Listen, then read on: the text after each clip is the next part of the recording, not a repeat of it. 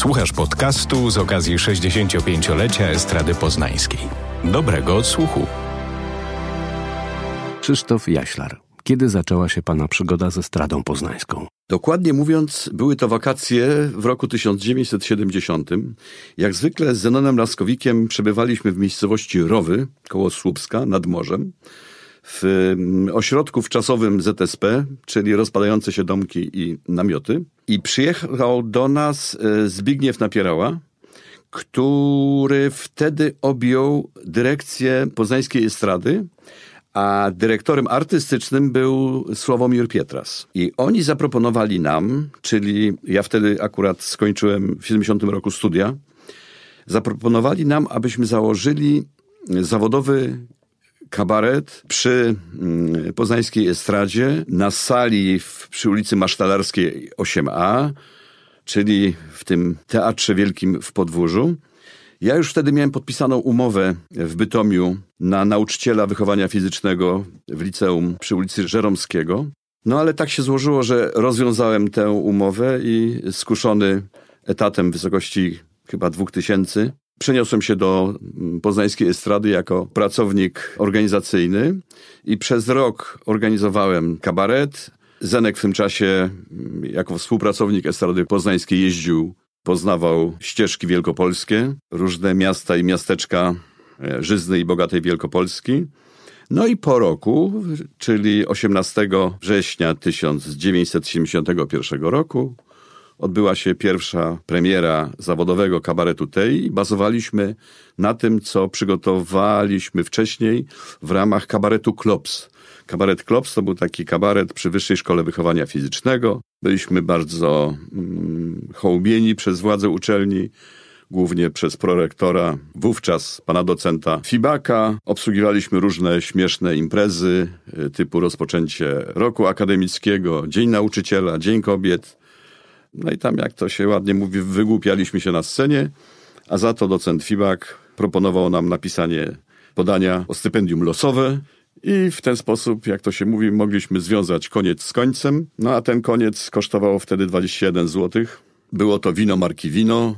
No, każde pokolenie ma swój dopalacz. Myśmy mieli to wino marki Wino, zwane również korbolem, jabolem, łzami sołtysa. Och, tych nazw było mnóstwo.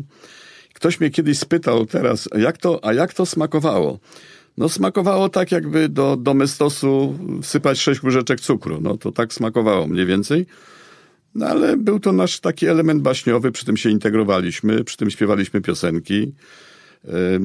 odbywaliśmy próby albo y, u Zenka Laskowika w Radiowęźle, bo on był kierownikiem Radiowęzła, mhm. podobnie jak tutaj też e, w takim akademickim radiu, który miał chyba z 20 albo 30 głośników i to, było, i to by było na tyle, prawda?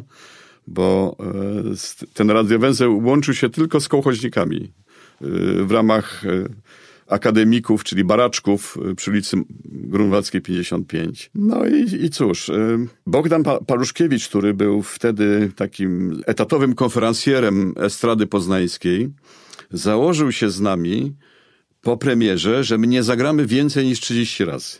Powiedział, bo to jest taka wyporność poznańskiej publiczności i tak jak zagracie 30 razy, to będzie w porządku. No zakład poszedł o skrzynkę. No na samo wspomnienie wątroba się marszczy, bo Bogdan przegrał ten zakład, jak wiadomo, i wywiązał się z tego zakładu. Nam niezwykle pomogła złota szpilka, którą zdobyliśmy w 73 roku. Bo prawda jest taka, o czym ja przypominam, bo, bo dlaczego nie? Początki rzeczywiście nie były łatwe. Frekwencja na kabarecie tej przez pierwsze dwa programy, czyli do tej złotej szpilki, wynosiła około 50-60%. Wiem to dokładnie, ponieważ w ramach e, mojej pracy takiego kierownika organizacyjnego kabaretu tej było dowiezienie krzeseł, ponieważ e, tam na Masztelarskiej było, o ile pamiętam, 110 krzeseł, takich stałych, znaczy stałych. To były tak zwane no, ruchome krzesła bo no już były mocno sfatygowane. Ale dowoziłem chyba z 40 albo 50 krzeseł, jak to się ładnie mówi, tymi ręcami, za pomocą kierowcy Żuka. Krzesła pochodziły z Empiku Przyrotajczaka. Ja te krzesła z tym kierowcą przywoziłem, rozstawiałem je na górze, po czym patrzyłem, że one są że to próżny trud, bo i tak ta frekwencja nie, nie, nie przekraczała tych 110 krzeseł, więc niepotrzebnie dowoziłem tych 50. No ale w każdym razie takie były zamierzenia kalkulacyjne, żeby, żeby w tej sali przebywało przynajmniej 160 osób.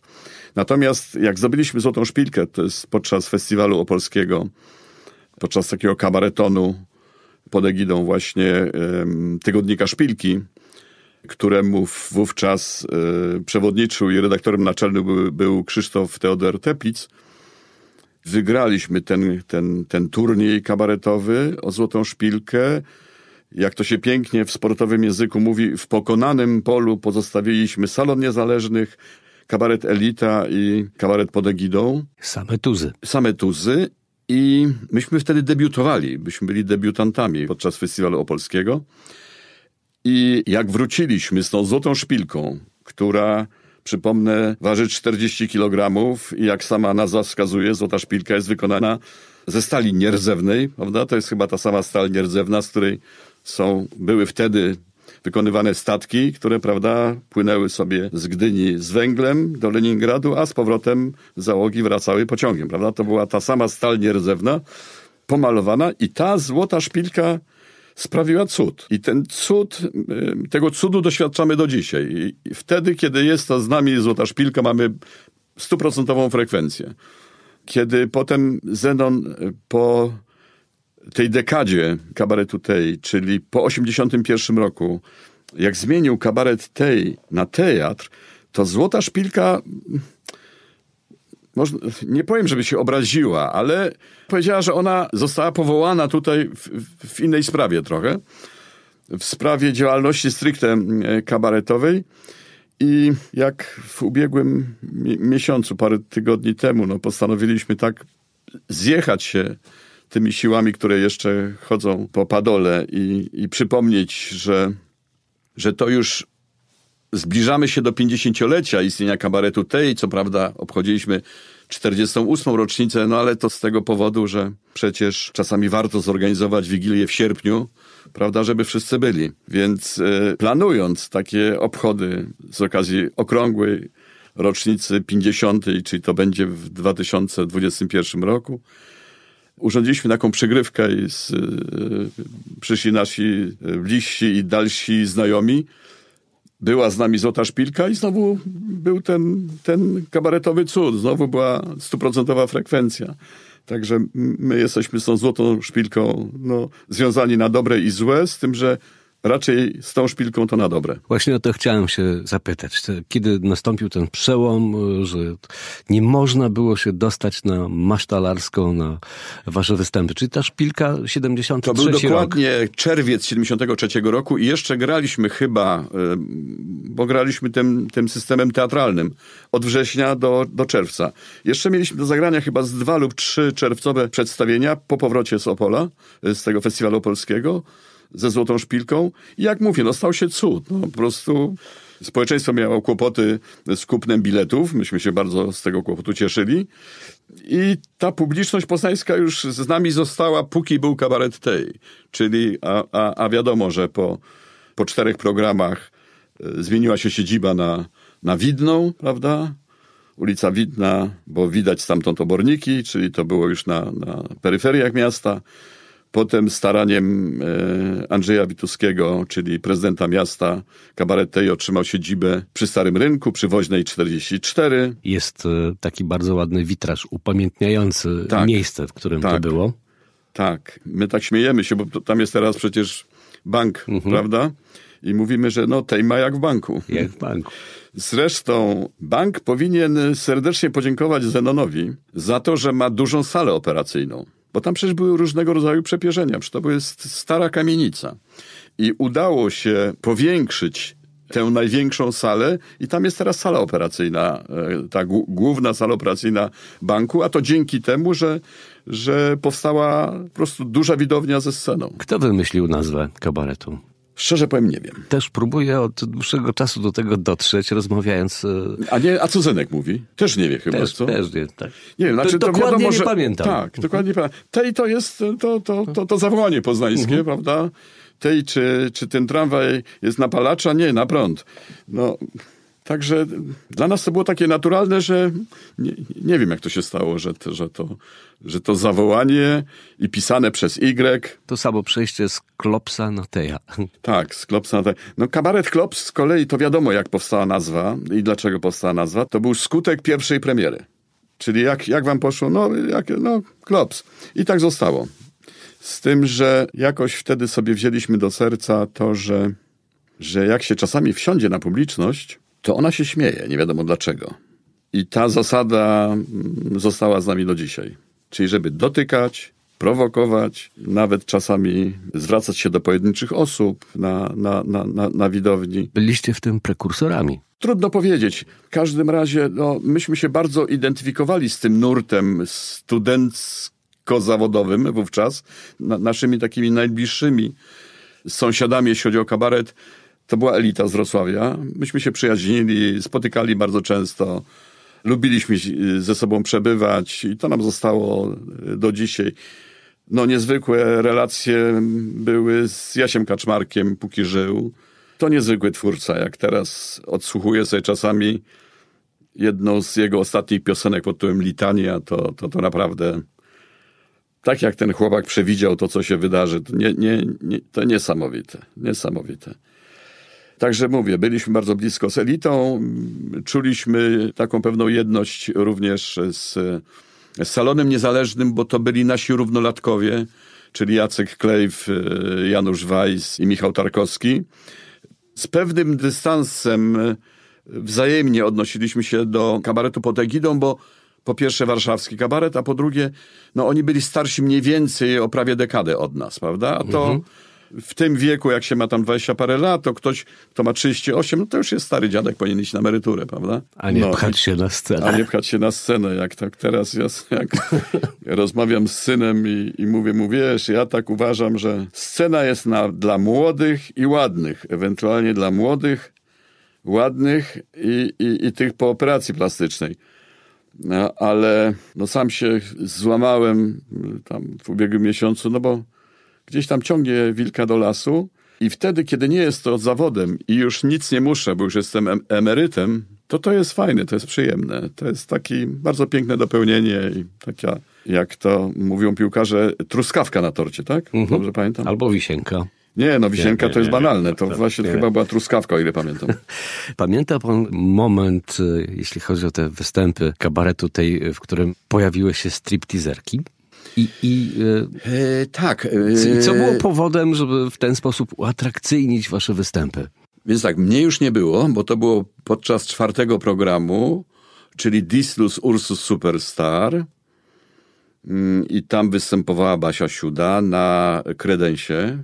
I to było takie nawiązanie do Mistrzostw Świata, ponieważ ona miała kostium skąpy z piłek futbolowych, znaczy z połówek piłek futbolowych. No, niezwykle piękna i atrakcyjna kobieta. Kiedyś Zenek podsłuchał taką rozmowę, jak, jak, jak dwie panie ze sobą rozmawiały, patrząc na tą Basię. I, I jedna mówi do drugiej, no ale szóstkę górną to ona ma krzywą. Ostatnio, jak rozmawiałem z Tadeuszem Woźniakiem, tak, to też pamiętam. Bardzo dokładnie pamiętam. Tak. Tak, rzeczywiście niezwykłej urody dziewczyna. Z tego, co, co wiemy, to ona wywiozła te swoje wdzięki do Włoch, rzekomo wyszła za Włocha i ślad po niej zaginął. Ale czy to jest prawda, czy nie? Nawet jak ktoś ją pewnie dzisiaj by zobaczył, to mogłoby tak być, żeby jej nie rozpoznał, prawda? U nas też się trudno rozpoznaje. Bo jak stanąłem ostatnio koło Zenka i tak mówi, no Zenek, zobacz, oddalamy się od siebie, no. Także każdy z nas już z pewną nadwagą i wspominamy, jak to było 30 kilo temu. Panie Krzysztofie, gdyby to nie był PRL, Gdyby nie było cenzury, czy taki kabaret jak tej odniósłby tak spektakularny sukces? To znaczy, to sobie od razu powiedzmy, że jeśli chodzi o, o tego rodzaju kabarety, to w zasadzie one powstały Właśnie dlatego, że był PRL i właśnie dlatego, że była cenzura. Bo jeżeli spojrzymy na kabarety przedwojenne i czym się zajmowały, jakiego, jakie były teksty, z czego oni się śmiali, to w zasadzie tego rodzaju żartów politycznych nie było. Przypomnijmy na przykład, że nie wolno było żartować przed wojną z Hitlera. No to, to, to, to jedna rzecz, bo No bo niby przez długi czas liczono na przymierze z Hitlerem, prawda? To ten wąsik, ach ten wąsik, to dopiero cenzura zwolniła tuż przed e, wrześniem 1939 roku.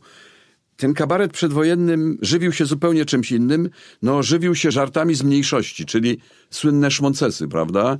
Gdzie wybitni polscy twórcy kabaretowi żydowskiego pochodzenia, prawda, jak Hemar, jak Tuwim, jak Słonimski, pisali teksty, y, sami będąc z pochodzenia Żydami, no, bawiąc się tym, pisząc te szmoncesy, które były najchętniej z y, oglądanymi, słuchanymi skeczami w takim na przykład kabarecie Qui Pro Quo. A wracając do pana pytania, gdyby nie ta opresja perelowska, to myślę, że tego typu kabaret na pewno by nie powstał. Zresztą proszę zauważyć, że jeśli chodzi o kabarety tamtej epoki, to można wymienić je na, w zasadzie na palcach jednej ręki. Jednej ręki. Taka jest prawda. No jak teraz spojrzę, ile jest grup kabaretowych, które żyją z tego, że uprawiają ten gatunek. I żyją całkiem nieźle. I żyją całkiem nieźle. I ja się bardzo cieszę z tego, bo jest łatwiej im i, i, i, i bardzo dobrze. To myśmy jednak byli mm, no, garstką, no, po prostu garstką. Krzysztof Jaślar. To był podcast na 65-lecie Estrady Poznańskiej. Więcej na estrada.poznan.pl